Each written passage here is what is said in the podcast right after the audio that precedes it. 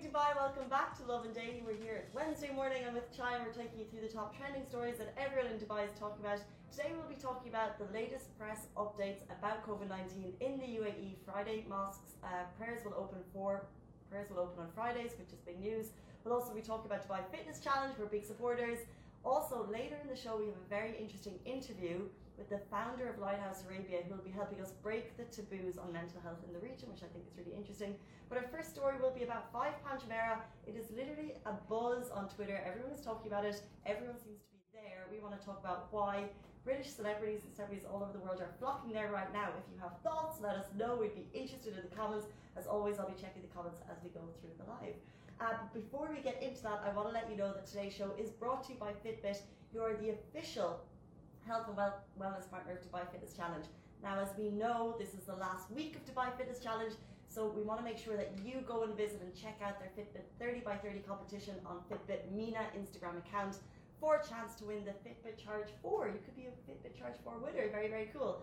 Now, while, Fitbit is the partner of this show, the opinions and statements are Lovin Dubai's.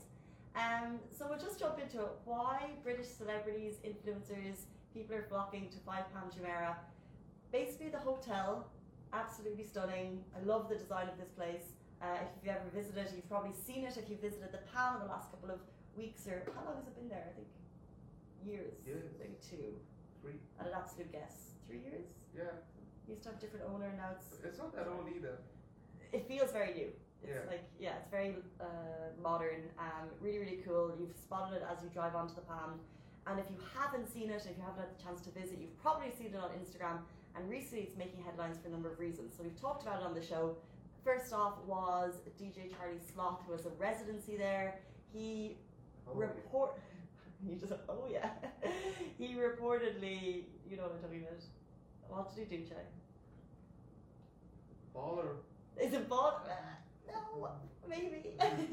One million dirhams? he well, he has a residency there, so he reportedly dropped a million dirham on a bill in one night. It, publicity stunt, possibly. So uh, we've talked about on the show over the last week, but now we want to talk about the fact that it's it's people are talking about five Palm Jumeirah in the UK. I follow meme man, uh, meme accounts in the UK, and people are like, since when uh, are people? Because basically, um, people are coming on holidays here and they're staying there. And if you look now, Martin Garrix, I know he's not English, uh, top D- top international DJ, he's there right now, and he was just like chilling on his balcony.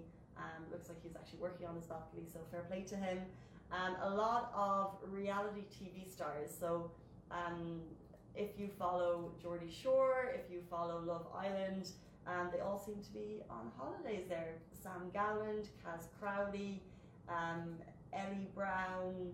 Uh, these are all names that if you follow reality uh, shows over the last couple of years, and they're just kind of um, uh, influencers, um, reality stars, Chloe Goodman, um, different types of personalities in uh, that you might have spot if you read the Daily Mail, which is like a Western media.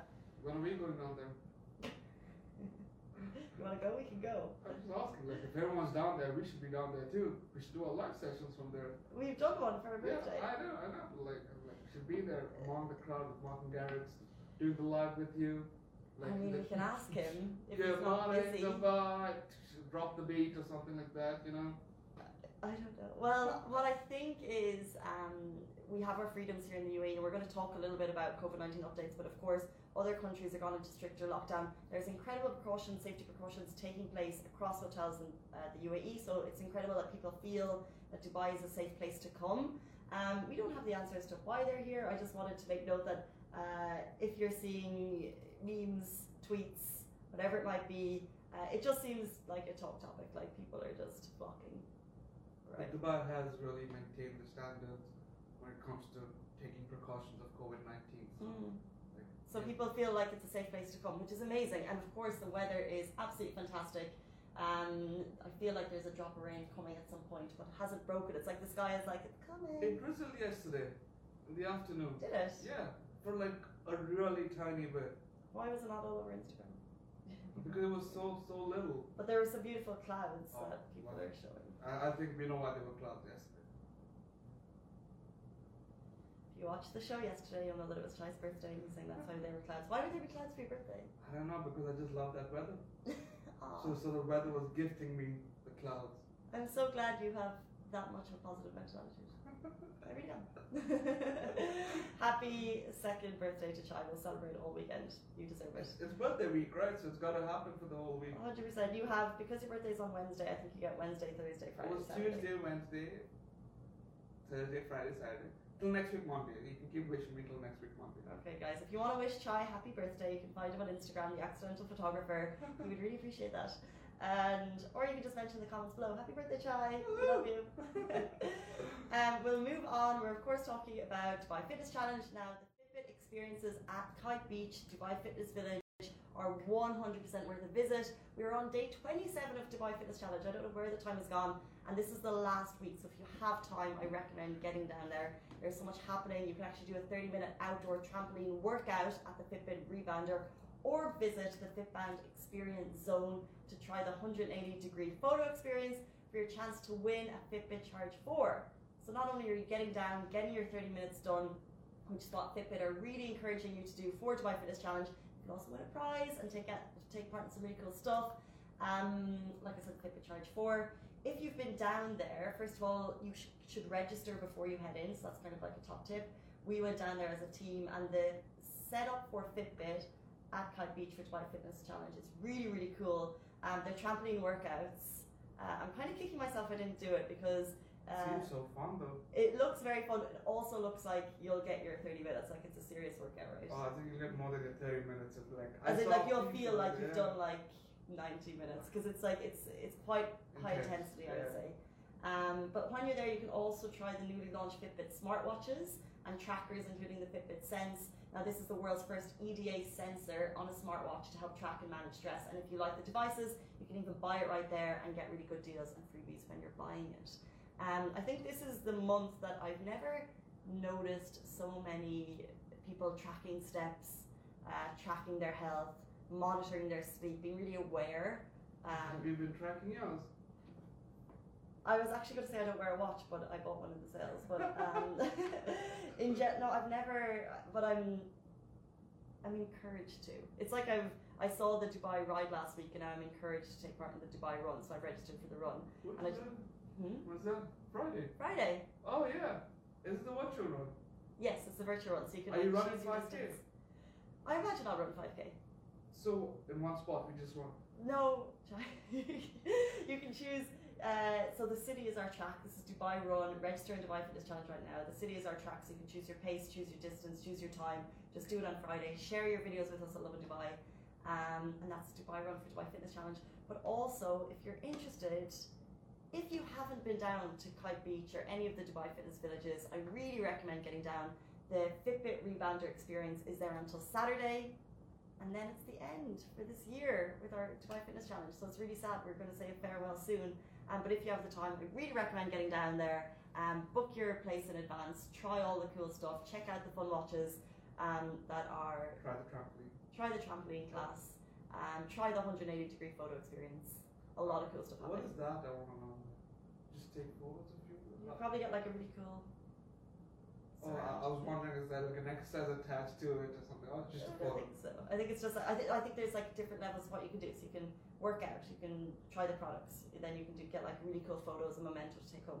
It's all part of it. Um, Yeah. And the beach. If you if you go to Kite Beach and take a photo, did you go? Yeah, we did. I don't think that's much. And then, and then we ate nice food and we went to Salt, Yeah. which I would also recommend. Um, moving on, before we get to our break, I want to let you know big news. Friday prayers, uh, excuse me, Friday prayers at mosques will reopen from Friday. So as you know, Tuesday is press briefing media day, and the key takeaway is mosques will reopen, but there will be strict guidelines, as you can probably accept, as you can probably um, imagine. So this is an exceptional step achieved through studies conducted by the institutions of the UAE. So just note, it's incredible that mosques have reopened. There will be strict guidelines, and we'll run through them very, very briefly. Um, if you want to get them, you can check NCMA on Twitter to get the full update. We'll also have this update on Lovin Dubai very, very shortly. Um, so the procedures for mosques to be eligible to receive worshippers include reducing capacity to 30%. Take note of that. Allowing prayers in the outdoor courtyards and broadcasting the prayer over over the loudspeaker. Safe distance of two meters uh, between worshippers and entry and entry, exit and entry movements will be regulated. Also for Friday, excuse me, for Friday prayers, please note mosques will be allowed to open their doors 30 minutes before prayer start, close them 30 minutes after, and the duration of prayers, Friday prayers, will not exceed 10 minutes. So take note of that. We'd also like to emphasize that worshippers will read from their own personal Quran on smart devices, and also you're advised to download UAE health apps. Um, ablution must be performed at home, and senior citizens, children, and those with chronic diseases, and anyone suffering from weak immunity should perform their prayers at home. So also take note of that. Mosques and churches in industrial areas will continue to be closed. Um, so that is the latest on that. Also, a tiny update related to COVID 19. Um, this is something I saw that I thought was interesting. The Dubai municipality has released information regarding rules and regulations for dining out at restaurants, and the number of people permitted at a table is eight. So take note of that if you're planning to book a dinner. And also for people that are questioning, it doesn't necessarily need to be with your family. So you are actually allowed to dine with people outside of your family as long as it's at a table of eight. There should be two meters between tables. However, if a restaurant puts isolators between tables, that distance can be shortened. So those are the latest COVID-19 updates. Thank you so much.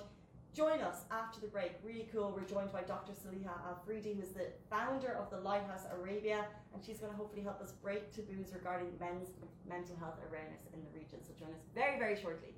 Lovin Extra is here. This is the new membership, and while absolutely nothing changes for our readers, extra members get access to premium content, exclusive competitions, and first look for tickets and access to the coolest events across the city, and Lovin merch. If you subscribe right now, a very cool Lovin Red Eco Water bottle will be delivered to your. Back to the Lovin Daily. Right now on Zoom, we're joined by the founder of Lighthouse Arabia. It's Dr. Saliha Afridi. Welcome to the show. Thank you for having me, Casey. Not at all. I, th- I think it's a really interesting time to have you on. It's November. I'm seeing a lot of mustaches running around town. Um, but for people who don't know, can you give us a little bit of background about what Lighthouse Arabia is and what you do? Sure. So the Lighthouse Arabia is a mental health and wellness center in Umm Dubai. And we've been around for almost a decade, and we are one of the largest mental health services in the in the UAE, but also the region. And we have lots of different um, community uh, initiatives, and that's really at the heart of who we are. Is the support groups that we do. Uh, we are the largest house of support groups in the region, with 17 different support groups running for the community that are free of charge. So I think our our soul actually is with with the community service agendas that we have that include parenting as well as support groups.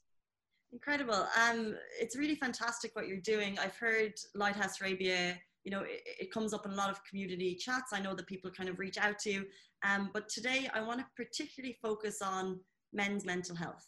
Um, at the moment, I kind of mentioned I've seen uh, a lot of people sporting mustaches. It's November. Um, and I want to kind of talk about taboos in the region because I think that sometimes people don't talk about addressing men's mental health enough. And do you think there's a taboo on men's mental health in the region? So absolutely, um, there is. So just for people who don't know, the the Movember movement actually is about men's mental health, um, as well as just men's cancer awareness, and so it's just men's health, but they involved mental health as part of that. Yeah. Um, and I absolutely think that there is a taboo, there is a stigma, but not just in the region. I think it is a global phenomena. Um, and just to, you know, just to highlight why that why I believe that is actually um, in, in, in the UK, for men 45 years and older, suicide is the number one leading cause of death above all other issues, including heart disease and liver issues um, it is actually taking their own life. And so mental illnesses, mental health issues are actually undiagnosed. And I think in the region or in the world, we are struggling with issues of patriarchy and toxic masculinity. And when we think of patriarchy, we think of usually men against women, right? Like women are fighting against patriarchy. And we've had a lot of movements as women to fight up against patriarchy. However, men are actually just as bound by those patriarchal um, rules and you know um, asks i would say for generations and generations where you know you are a man if you procreate you produce you protect and you stay in your power by denying your vulnerability and you deny your emotions so Men have not had any movements on that. And so men are actually very much bound by these strict laws of toxic masculinity and patriarchy just as much as women are. 100%. And it's a really, really shocking statistic. And if we just, you know, repeat that, that suicide is the highest killer of men, men over 45, it's, it's scary and it's, it's, and then you're kind of taking that on. Um, where do you start? Do you start top down and look at kind of society as a whole and how you can fix it? Or or do you try and you said you're involved in community initiatives. Do you kind of try and speak to the one person who you might be able to help? How do you how do you begin? So i think you come at it from every angle. And just like any movement it starts on the ground it starts from higher up it starts with legislation it starts with um, you know different initiatives and i think we have to come at it from all around because depression and anxiety are the leading cause of disability worldwide, and that includes men and women. However, depression and anxiety is most relate off, uh, most often women show up as being more depressed and anxious. However, men are showing up as more antisocial and their rates of substance abuse are a whole lot higher. So it's almost a little bit more accepted for men to be aggressive. Ex- aggressive is okay, but sad is not okay. You know, um, being violent is okay, but you know, showing your vulnerability is not okay. So I think we have to come at it from messages from media. We have to come at it from the corporate sector and some of the corporate cultures that we create. We have to come at it from legislation when we think about, and, and this is something that changed recently, but like, you know, paternity leave and how important that might be. So that changed a little bit, but you know, we changed it a little bit more. Um, and, and, and I think it, it's coming at it from every which angle. Mm-hmm. Um, but it is something that, you know, and I, I being um, a sort of feminist in my ways, I always usually used to fight for women's right. But as I got older and I, I worked with a lot of men, I realized that there was actually no one speaking up for them. Mm-hmm. And I found myself to be just a fighter for men in, in some sense. And so I think um, men have a hard time talking about this issue. And when men do talk about this issue, they're a little bit dismissed like, no, you don't get to talk about your feelings because mm. we're fighting as women. And so this is where I took on the initiative to say, you know what, I'll talk on their behalf because I see that they're hurting and no one is seeing that and no one is talking about it. 100% and this is kind of what i was hoping to get from this conversation because i'd love to use our platform to maybe speak to the one individual who might be listening who um, could kind of you know find some help so i'm just wondering for one person who is struggling who is inside their head who is anxious who what are the very real steps that they can take um, if they're scared to talk to their friend if they're scared to talk to their family how can they try and help to improve their mental health so I think the first thing is just get educated. You need to know the signs and symptoms of some of the major disorders. The major ones that I would say you need to just be versed on are depression, anxiety, and substance abuse. Like these three, you should just know what that looks like. Now mm. we do mental health first aid at the lighthouse and you would be really shocked as to like how many people don't know didn't know that they were depressed for so many years. They just thought that that's just how life was. And this is how things are. And so, first, becoming aware of the signs and symptoms. Second, I would also say be aware of how you might be actually using these microaggressions to perpetuate the stigma and invalidate your personal experience as well as the experience of other men. So I, I'm not saying that this is a man versus woman issue. Sometimes the worst enemy for man's feelings is the man himself and his, you know, eh, you know, this alpha male, male bravado. Oh, come on, man, toughen up, look on the bright side, and this toxic positivity that goes along with toxic masculinity. So I would say, listen to yourself and pay attention. What do you do when feelings come up? How uncomfortable are you? And mm-hmm. I think it does take a level of emotional competence. So that would be my number three. You need to become competent, just like you are competent at jobs, just like you're competent in a language, you're competent in driving and other skills. Emotion, the emotional world requires competence. You need to have an emotional vocabulary. You need to know how to regulate your emotions. You need to know how to communicate those emotions. So, emotional competence is going to be very important. And then, lastly, I think speaking up. Now, I know there's a movement, and I'm not sure who started it, but it says it's okay not to be okay. Mm-hmm. And I, I, I think it's okay not to be okay, but it is not okay to not be okay for too long. Though you need, you can't be okay forever. Like it's, it's, it's not normal for you to not be okay for a long time. And so this is where it will take courage for you to step up and speak to someone and say, you know what, we need to take the drama out of talking to a psychologist. I have a therapist, all my children have a therapist. Even there's no drama in this. Like the best players in the world have coaches. And those coaches are not those champions, right? The, the champions have a coach. And so we need to just see it like that. We need to be able to see that you are just accepting um, some support from someone who has who might have a different viewpoint than you because you're in the field so you're just getting a zoomed out view so those would be the four things that i would say um, and I agree with you 100%. I've definitely I've spoken to someone in the past, and I just found, like you said, a different viewpoint really gives you a different perspective on things. Um, but I have a personal situation that I was involved in um, recently, where someone told me that they had, you know, that they they had issues with their mental health, they were struggling. And although I'm aware um, of men's mental health and that we need to break a taboo, I wasn't actually sure how to help him. I wasn't sure how to I can speak to him and but I wasn't actually sure how to approach it. So if a friend reaches out to you, uh, you know, if you're not qualified, what is the best approach um, to to help them? So I mentioned mental health first aid. Now, one out of four people in your life and in my life are going to come and they're going to say they're struggling with something, or they're going to be struggling with it silently. If I told you one out of four people is going to drop down and you're going to need to do CPR on this person, would you go get physical first aid? Yeah, you would. You would say, I need to be ready to do CPR because at any one point, someone could drop down and I have to, you know, resuscitate them in some way. And so I'm telling you that one out of four people today are struggling with a mental health problem.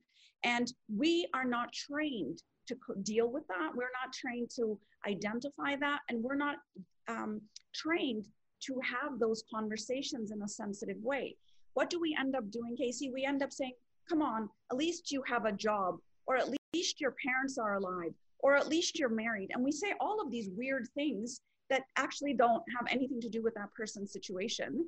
And that actually just says dismiss your feelings and look on the positive side. And that's just not right. That is what the, the definition of toxic positivity. So, what I would really advise people, and especially if you're one of those people that people come and talk to just because you're a safe person, uh, there's something safe about you, get trained in mental health first aid. And that's a course that we run. It's a 10 hour course at the Lighthouse Arabia. We do it on a monthly basis. Uh, we do it for parents, we do it for adults, and we do it for teens. This is a no brainer and a must have, I think, in the world that we live in today. Amazing. Thank you so much. Um, before we leave you, um, that's invaluable information uh, for people struggling and for people who want to help, maybe friends and family that they have that are struggling. And that's, you mentioned one course that you're running at Lighthouse Arabia. Um, can you tell us just a brief summary of uh, every other kind of initiative you have going on at the moment um, if people kind of want to reach out to you? Sure. So we, like I said, we have one-on-one therapy for everyone across the age range. We have mental health first aid. We have grief support and grief consultations that we do free of charge. So if you've lost someone to death, you can actually call the Lighthouse and we will do a free one-on-one session with you just to orient you and what that journey might look like and what to expect. But then we also have grief support groups for motherless daughters, little lifetimes, adult general grief support. Um, and then we have all sorts of different support groups that we run for teens, for university students, for single parents, for divorced, uh, divorced individuals, um, for racial, uh, um, Black individuals who've experienced racism, infertility, job loss. I mean, I could go on and on. So I would really recommend that people go onto our website and actually look at those because we have a updated calendar we post at the first of every month. We also have free webinars that we do for the community and we would be very happy to have uh, to come to people's companies. And right now we're doing that over zoom. Uh, but we talk about well-being. We talk about brain health and we talk about stress management and anxiety management and these types of topics um, free of charge led by an expert um, and all of our support groups are actually led by psychologists so there that is a very therapeutic environment usually when you think about support groups they're usually community led but mm-hmm. we actually lead the support group as a, uh, as a senior psychologist leading them. Um, and another thing um, that I would like to um, maybe people would want to access is um, the um, um, uh, like uh, we have different workshops that we run at the lighthouse and those are usually low cost and the workshop could be anxiety management stress management as well as meditation and mindfulness um, and we are very, very active on social media. So my personal social media account, Dr. Saliha Afridi, as well as the Lighthouse, we have three different, uh, four different accounts for parents, uh, young people, as well as the Lighthouse Arabia. Amazing. Um, what you're doing is absolutely fantastic. I hope um, I hope some people will uh, take from this um, that they can reach out to you guys at any time if they're struggling. Um, and really well done. And uh, hopefully you'll be able to I mean, maybe follow Lighthouse Arabia's journey a little bit more in future. But thank you so much for your time. We really appreciate it. Thank you for joining our show today. Thank you, Casey. Thank you for having me. Not at all. Um, guys, that is it for the Lovin Daily. We're back with you every single weekday morning. Stay safe, wash your hands. We'll see you tomorrow.